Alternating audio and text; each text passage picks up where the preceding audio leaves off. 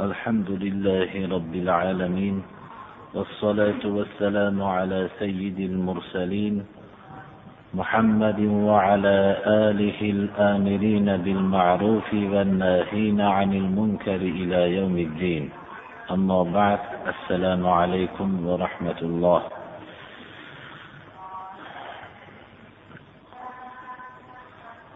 subhanahu va taolo uhud voqealarini bayon qilib bu uhud voqealaridagi allohning ko'p insonlarga bo'lgan imtihonlarini bayon qilishligida bu imtihon ko'p shahidlarni ham islom ummatidan talab qilganligini va bu shahidlar haqida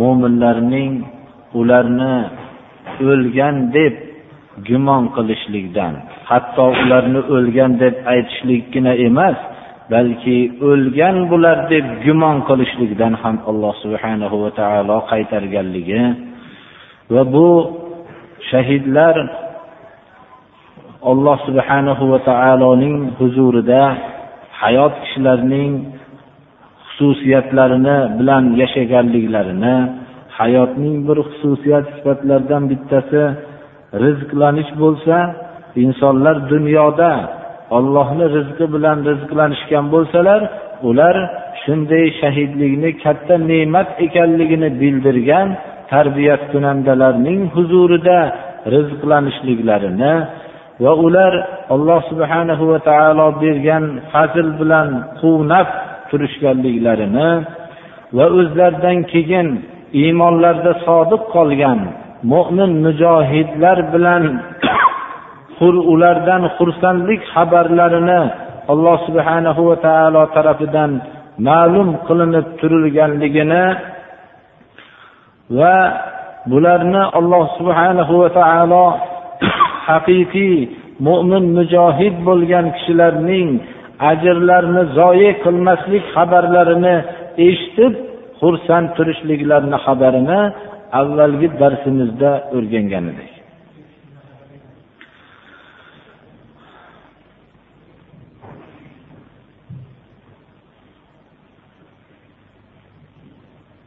Haqiqiy mo'minlarni ajrini olloh zoyi qilmasligini xabarini shahidlar bilib turishligi va alloh subhanahu va taolo ularga o'zlarining orqalaridan hali yetib kelmagan kishilar bilan xursand qilinib turilishligi bayon qilingan edi o'tgan darsda.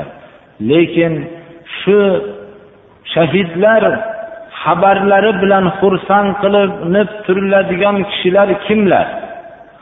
Shahidlarga hali bog'lanmagan hali shahidlarning huzuriga bormasdan hayotda yashab turgan ularning xabarlari bilan shahidlar xursand bo'lib turgan kishilar kim ekanligi keyingi oyatlarda bayon qilinadi أعوذ بالله من الشيطان الرجيم الذين استجابوا لله والرسول من بعد ما أصابهم القرح للذين أحسنوا منهم واتقوا أجر عظيم الذين قال لهم الناس إن الناس قد جمعوا لكم فاخشوهم فزادهم إيمانا وقالوا حسبنا الله ونعم الوكيل shahidlar o'zlaridan o'zlarining hali orqalaridan yetib kelmagan mo'minlar ularning xabarlari bilan shahidlar xursand bo'lib turadigan mo'minlar olloh rasuliga ijobat qilgan kishilar. Olloh rasuliga ijobat qilishliklari bo'lib ham ularga ollohni yo'lida ko'p jarohatlar yetgandan keyin ham ijobat qilgan kishilar. Uhud voqeasida mana o'tgan darslarda o'rgandik qattiq bir jarohatlar yetgan edi. Bu jarohatlarning qanchaligini biz tarixdagi voqealardan o'rgandik. Shunchalik musibatlar jarohatlar yetgandan keyin alloh subhanahu va taolo uhud jangida ishtirok etganlarni abu sufyon boshchiligidagi mushriklarning orqasidan borishlikka chaqirdi. Bu imtihon juda og'ir imtihon edi.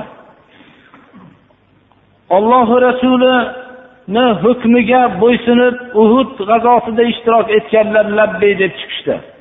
Alloh subhanahu va taolo mana bu oyatda ollohi rasuliga o'zlariga jarohatlar yetgandan keyin ijobat qilgan mo'minlar bu mo'minlarning xabari bilan shahidlar xursand bo'lib turadi.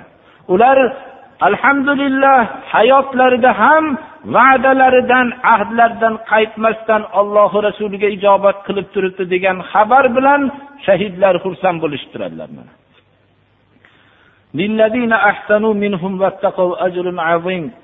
ularning ichida ollohni ko'rib turgandek ibodat qilganlariga ya'ni har bir amallarida shunchalik katta ixlosni mujassamlashtirganlariga va xudodan qo'rqib yashaganlariga katta ajrlar alloh subhanahu va taolo hozirlab qo'ygan. Ular shunday mo'minlarki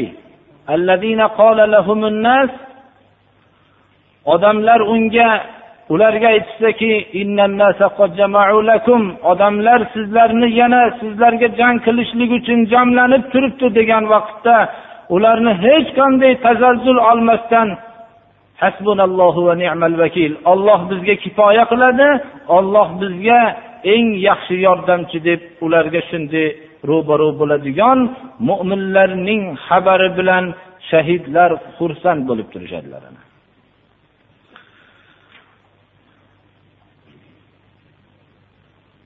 rasululloh sollallohu alayhi vasallam uhuddan qaytganlarida jarohatlangan kishilarning safida eng ko'p jarohatlangan zot rasululloh sollallohu alayhi vasallam edilar.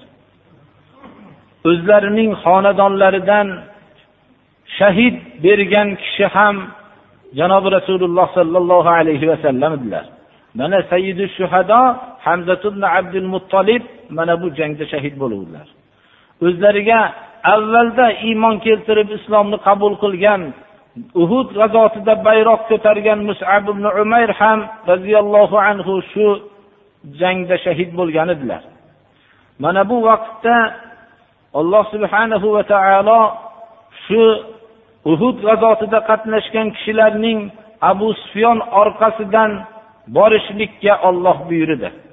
Rasul sollallohu alayhi vasallam shu rivoyatlarni bizga xabar berishicha faqat uhud g'azotida qatnashgan kishilardan boshqa kishilarning keyingi jangga chiqishlikka ruxsat bermadilar. Bu holatdagi jarohatlarning qanchaligini bilishligimiz uchun muhammad ibn ishoq rivoyatiga biz nazar tashlar ekanmiz. عن عائشة بنت عثمان أن رجلا من أصحاب رسول الله صلى الله عليه وسلم من بني عبد الأشهل كان قد شهد أحدا. قال شهدنا أحدا مع رسول الله صلى الله عليه وسلم أنا وأخيه فرجعنا جريحين. فلما أذن مؤذن رسول الله صلى الله عليه وسلم بالخروج في طلب العدو قلت لأخي أو قال لي أتفوتنا غزوة مع رسول الله صلى الله عليه وسلم؟ والله ما لنا من دابة نركبها وما منا إلا جريح ثقيل. فخرجنا مع رسول الله صلى الله عليه وسلم وكنت أيسر جراحا منه فكان إذا غلب حملته عقبه. حتى انتهيا ila mantaha ilayhil muslimun. Usmon roziyallohu anhuning vallohu alam usmon ibn mazun bo'lsalar kerak bu kishining qizlari oyishaning mavlosi bo'lgan abu soib degan kishidan rivoyat qilinadiki rasululloh sollallohu alayhi vasallamning ashoblaridan bittalari banu abdul ashhal qabilasidan uhud g'azotida ishtirok etgan edilar. Biz deydilar rasululloh sollallohu alayhi vasallam bilan men va ukam uhudda ishtirok etgan edik. Ikkalamiz jarohatlangan holatda qaytib kelgan edik. Rasululloh sollallohu alayhi vasallamning jarchilari jar qil jar ya'ni e'lon qildiki dushmanni orqasidan istab talab qilishlikka chiqishlikka. Juda og'ir jarohatlangan edik deydilar. Men ukamga aytdimki yo ukam menga aytdiki deydilar rasululloh sollallohu alayhi vasallam bilan birga bo'lgan biz g'azotdan qolamizmi dedik. Qasam ollohgaki bizni minadigan bir markabimiz yo'q edi. Jarohat juda og'ir edi. Har bir kishi jarohatdan xoli qolmagan edi. Bo'lib ham og'ir jarohatlangan edik. Birga chiqdik rasululloh sollallohu alayhi vasallam bilan. Dushmanni talabida chiqdik. Men jarohatim ukamnikiga nisbatan yengilroq bo'lganligi uchun jarohat sababli yurishlikka qodir bo'lmaganda ko'tarib olib borardim deydilar ana musulmonlar yetib kelgan joyga biz ham yetib keldik deydilar rasululloh sollallohu alayhi vasallam shunda uhud g'azotida ishtirok etgan kishilardan ishtirok etgan kishilarning faqat o'zlariga ruxsat berdilar. Boshqa kishilarga ruxsat bermadilar. Boshqa kishilarga ruxsat berilgan faqat jobir ibn abdulloh ibn amr ibn haromning o'g'illarigagina ruxsat berildi. Buning sababi shu ediki muhammad ibn ishoq rivoyat qiladilarki uhud kuni shavvol oyining o'n beshinchi kunini shanba kunida shu uhud g'azoti to'xtagan. Edi hech qanday o'rtada muhlat o'tmasdan shavvolning shu shavvol oyining o'n oltinchi kunida e'lon bo'ldi. Rasululloh sollallohu alayhi vasallamning jarchilari e'lon qildiki dushmanni orqasidan chiqishlikka.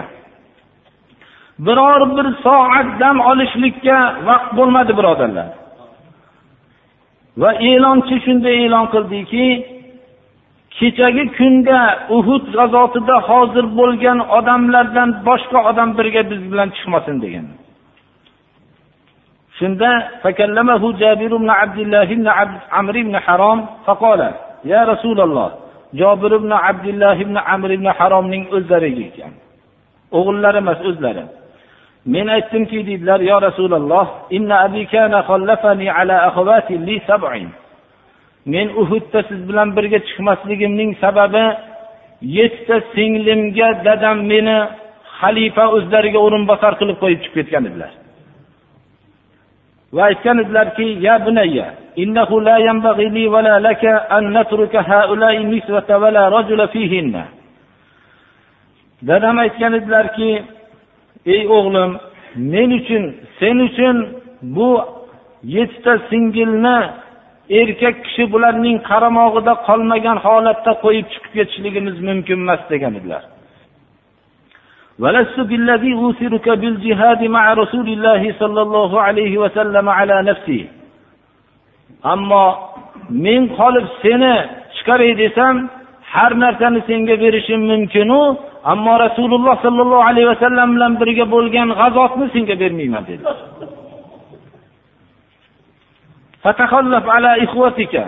Singillaringga xalifa bo'lib qolgin degan edilar. Shularga xalifa bo'lib qolgan edim. Shuning uchun hozirgi jangga chiqishlikka ruxsat bersiz dedim. Rasululloh sollallohu alayhi vasallam rasululloh sollallohu alayhi vasallam shu kishiga ruxsat berdilar. Ana bu holat olloh rasuliga shunchalik jarohatlar yetgandan keyin o'rtada hech qanday muddat o'tmagan holatda olloh rasuliga ijobat qilib chiqqanlarni alloh subhanahu va taolo qur'onida yod qilib qoldi mana.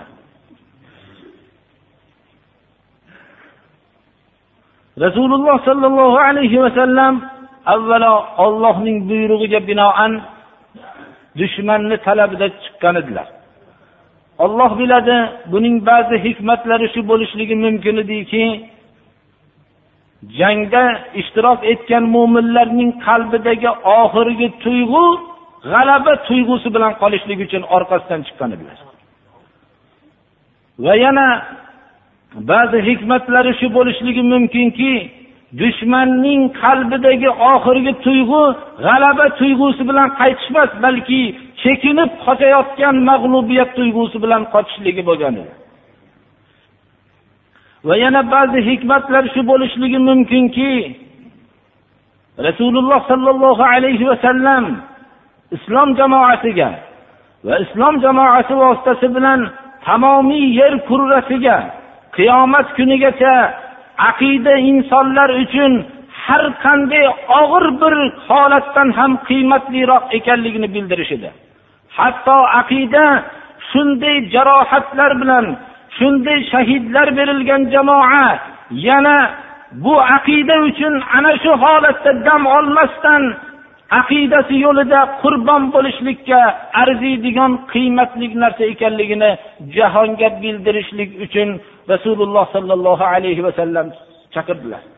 Agar uhud g'azotida ishtirok etmagan boshqa kishilarni ham qo'shganlarida ular boshqa madadlanib chiqishdilar degan narsa tushuncha paydo bo'lishligi mumkin edi. Ammo shu jarohatlangan kishilarning tanho o'zlari yana chiqishliklari aqida inson uchun shu darajada qadrli qiymatli narsa bo'lishligini butun jahonga qiyomat kunigacha bo'lgan bashariyatga bo'lgan bu yangi bir haqiqatni bildirishidan. Ana mo'minlarga aqida qanday qiymatli narsa bo'lmoqligi kerak. Abu sufyon chekinib qaytayotgan vaqtida ko'p munofiqlarni ishga solgan edi. Va katta bir jamoat jamlanib turibdi bormanglar. Orqadan quvib bormanglar juda jamoa katta jamlanib turibdi degan narsa bilan mo'minlarni qo'rqitmoqchi bo'lgan edi. Ana bu xabar tabiiyki madinaga shunday munofiqlar vositasi bilan yetib kelgan edi. Shu vaqtda uhudda ishtirok etib jarohatlar qattiq bir jarohatlangan ashoblar odamlar sizlarga jamlanib turibdi. Dushmanning talabida chiqmanglar degan xabar bo'lganda ular hasbunalloh va ni'mal vakil deyishgan edi. Olloh bizga kifoya qiladi. Olloh qandayyam yaxshi yordamchi deb bunga javob berishgan edilar.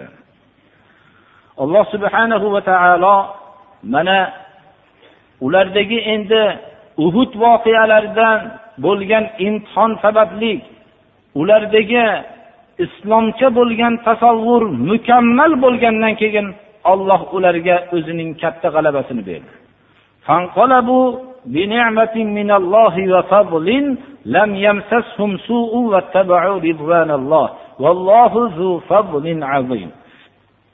Ular ya'ni dushman talabida chiqqan ashoblar ollohning ne'mati bilan qaytishdilar. Olloh tarafidan bo'lgan fazl bilan qaytishdilar. Hech qanday zarar ularga tekkani yetgani yo'q.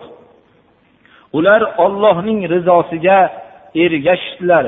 Ollohning rizosi nimanida bo'lsa shunga ergashdilar o'zlaridagi jarohatlarni hisobga olmadilar. O'zlarining atroflaridan yo'qolgan shahid birodarlarni hisobga olmadilar. O'zlaridan yo'qolgan moliyaviy dunyoviy narsalarni yo'qolganligini hisobga olmadilar. Ollohning rizosi nimada bo'lsa shunga ergashamiz deb ergashdilar. Shuning uchun alloh subhanahu va taolo o'zining ne'matini berdi fazlini berdi. Olloh ulug' fazl egasidir olloh ulug' fazl egasiki mana bu ashoblarga shunchalik aqidani qiymatli qilgan tasavvurni bag'ishladi. Bu ollohning fazllarini eng kattasidir. Alloh subhanahu va taolo juda ulug' fazl egasiki uhud voqealarini ularga juda katta bir tajriba manfaatlik bir imtihon darsi qildi. Uhud voqeasidan keyin taxminan ashoblar biror bir jangda mag'lub bo'lishmadilar. Chunki ular islomcha tasavvurni bu voqeada o'zlarida mujassamlashtirib olishgan edilar. Olloh ulug' fazl egasiki bularning o'zining abadiy kitobidan ularga joy berdi. Ularni maqtab olloh rasuliga ergashgan kishilar deb yod oldi. Alloh subhanahu va taoloning shahodati bilan ollohi rasulining rizosiga ergashgan zotlar bo'lib qoldi abadiy kitobda tilovat qilinib qiyomatgacha mo'minlar ana shunday kishilar bo'lishligini orzu qiladigan holatni paydo qildi ollohning ulug' fazl egasi bo'lishligining ma'nolarini bittasi shudir ana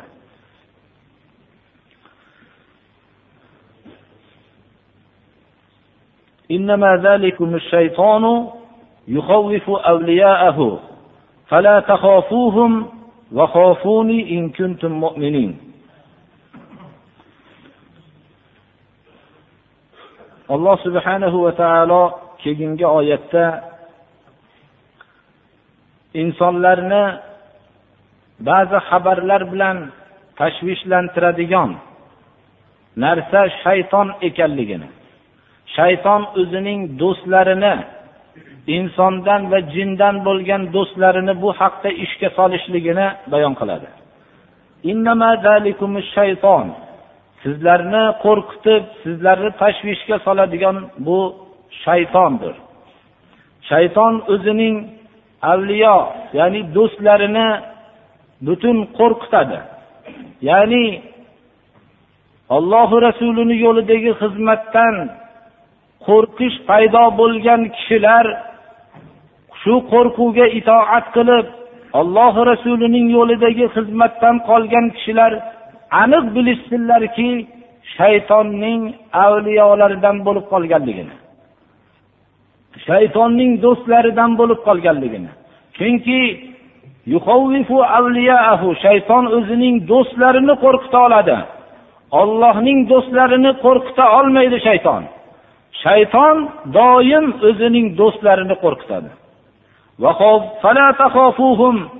Va shayton o'zining do'stlarini qo'rqitgandan keyin shaytonning do'stlari ham shayton bilan birga odamlarning diniy xizmatlarini bajarishlikdan qo'rqita boshlaydi.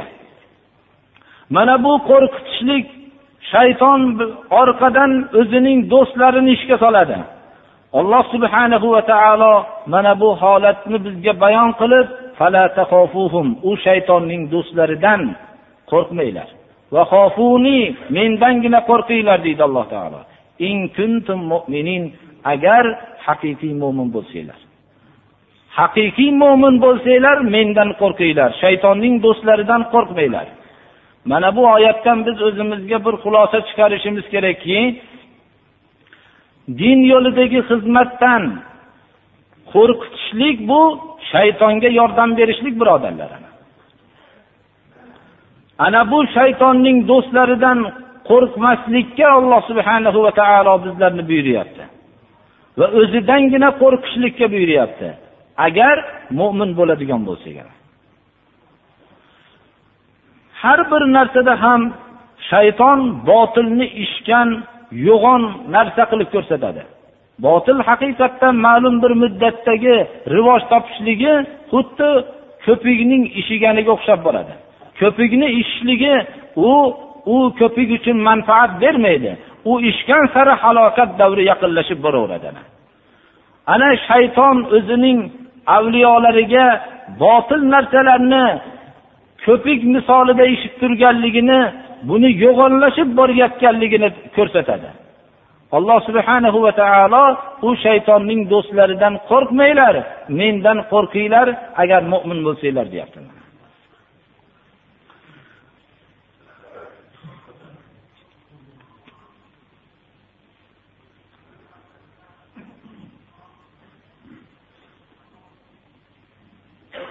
ولا يحزنك الذين يسارعون في الكفر إنهم لن يضروا الله شيئا. يريد الله ألا يجعل لهم حظا في الآخرة ولهم عذاب عظيم.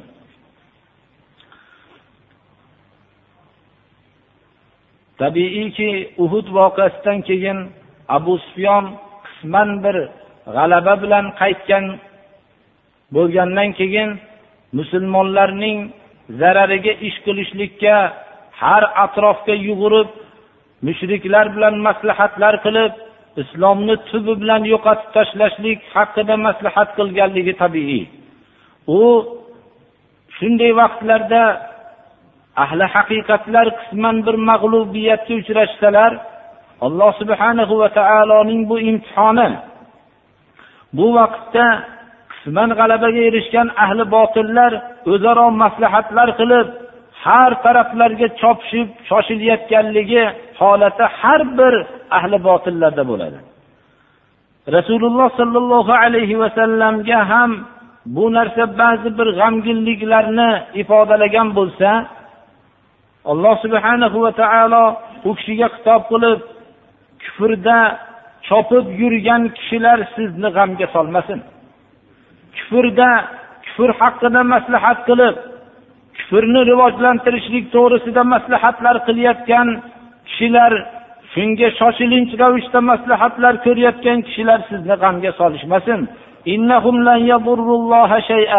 Ular bu qilayotgan kufrdagi maslahatlari bilan olloh subhanahu va taolo bilan jang qilishyapti.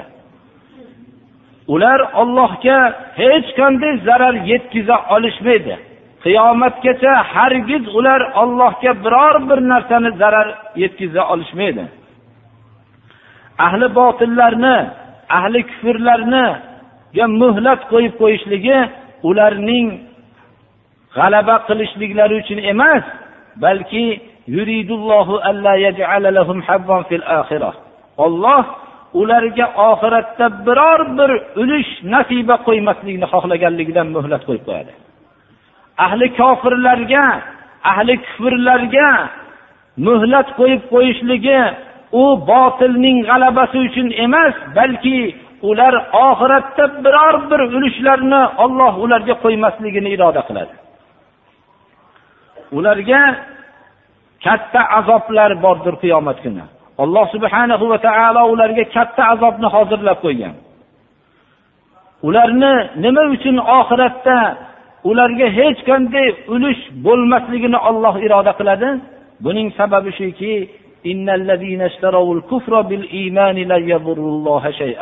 ular tayyor o'zlarining oldlarida muhayyo bo'lib turgan iymonni sotishib kufrni sotib olishgan. Mana bu oldilarida turgan iymon dalillari bilan to'lgan koinotu iymon dalillari bilan to'lgan hamma dalillarni tashlashib bular kufrni ixtiyor qilishgan.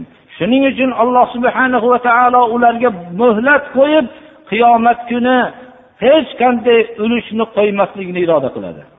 Va ular iymonni sotib kufrni sotib olishliklari bilan ular ollohga hech qanday zarar yetkazisha olmaydi. Ularni alamlantiruvchi azoblarni alloh subhanahu va taolo ularga hozirlab qo'ygan.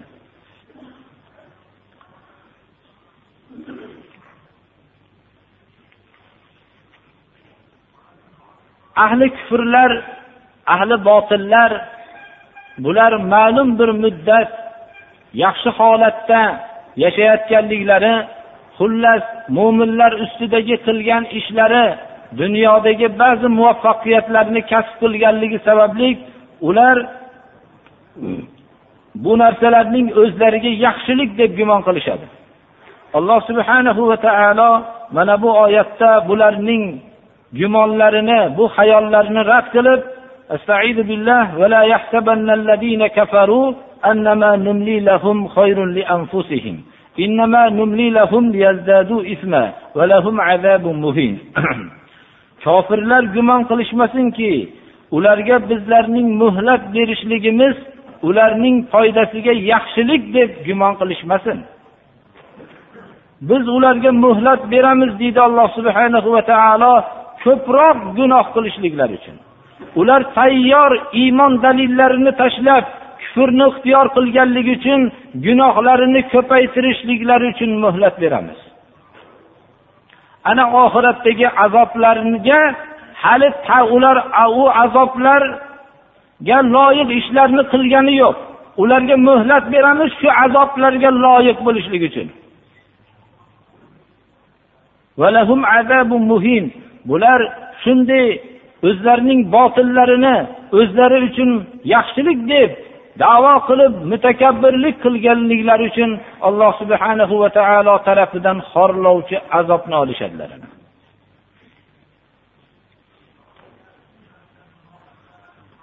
Mana bu ahli haqlar uchun mana bu oyat nihoyatda zarur. Ahli botillarning qisman bo'lgan yutuqlarini ahli haqlar bu yutuq deb tushunib qolmasliklari kerak. Bu yutuq deb tushunishlik kofirlarga xos bo'lgan tushunchadir. Kofirlar o'zlarining ma'lum bir yutuqlarini o'zlariga foyda deb gumon qilishadi.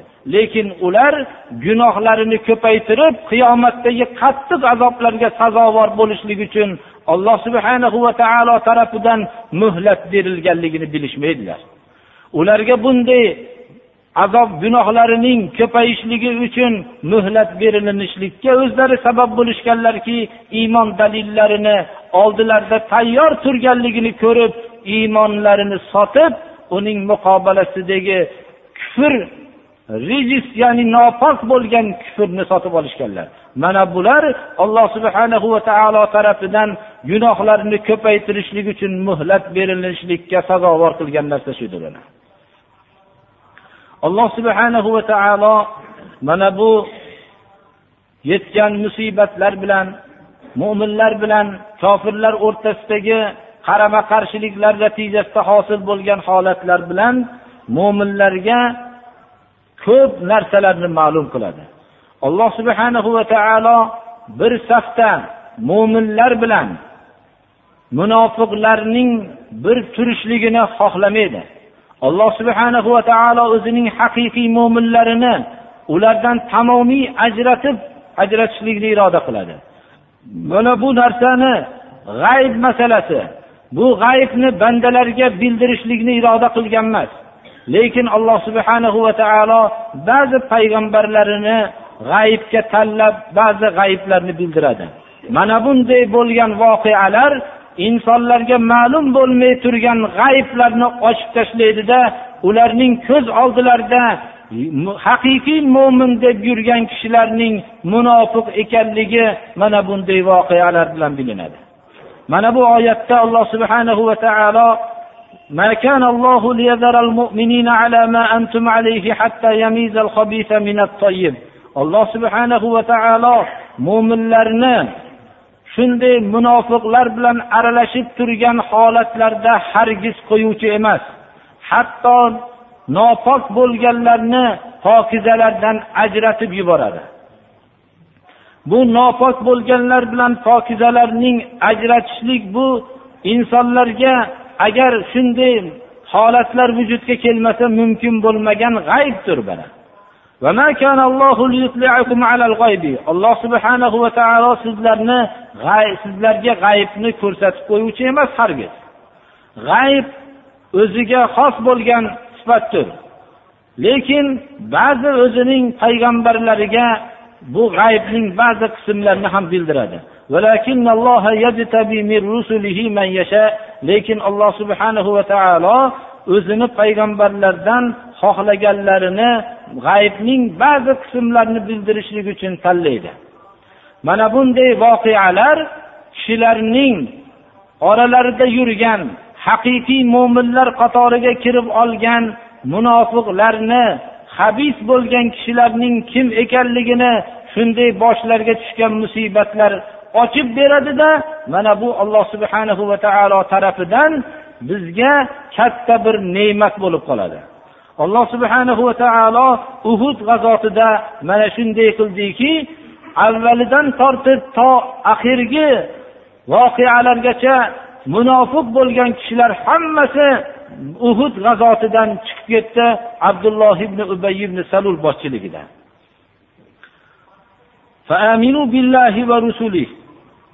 Iymon keltirgan kishilarni ollohu rasuliga haqiqiy iymon keltirishlikka chorlayapti.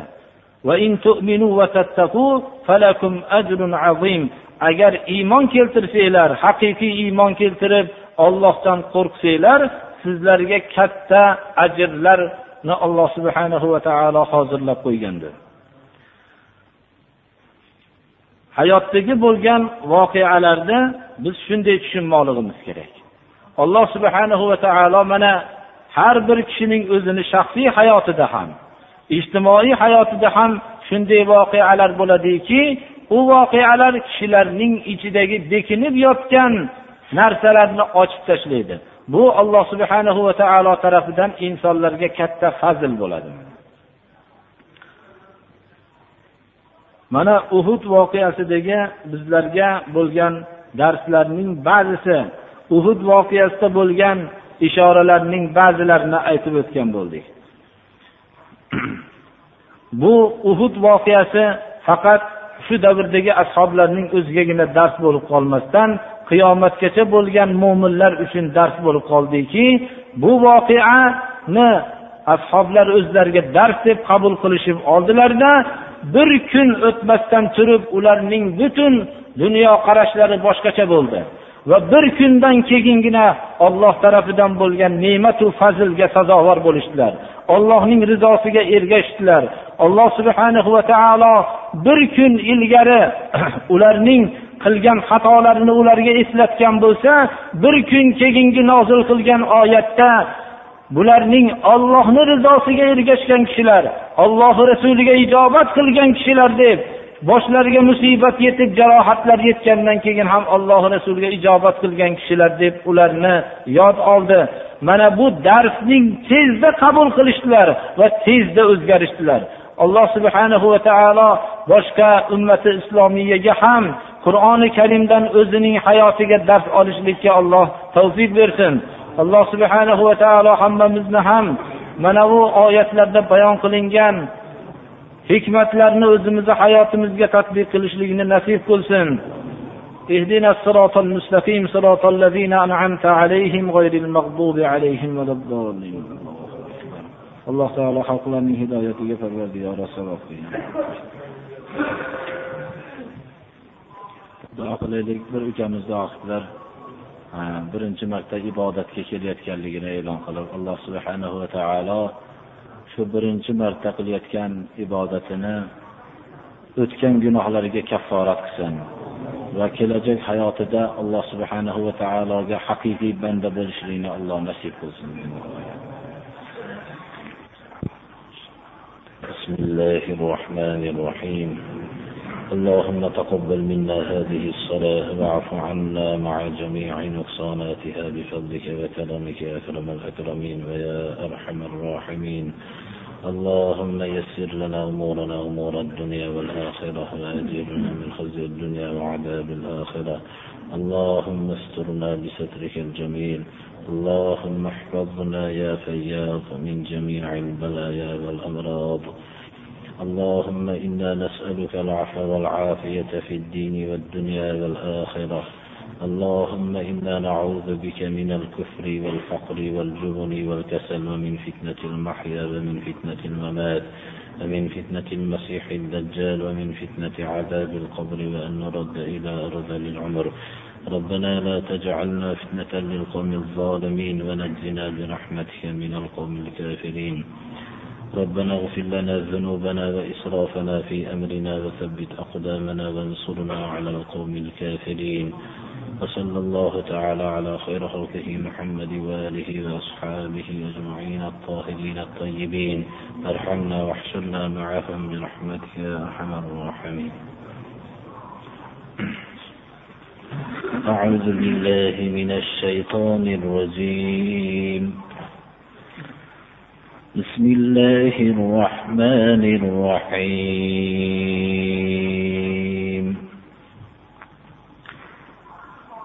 ومن أحسن قولا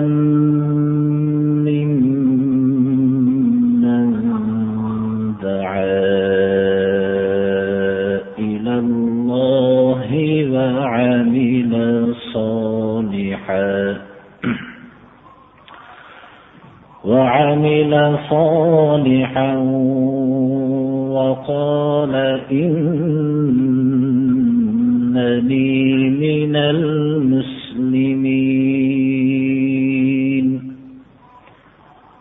ولا تستوي الحسنة ولا السيئة تدفع بالتي هي أحسن.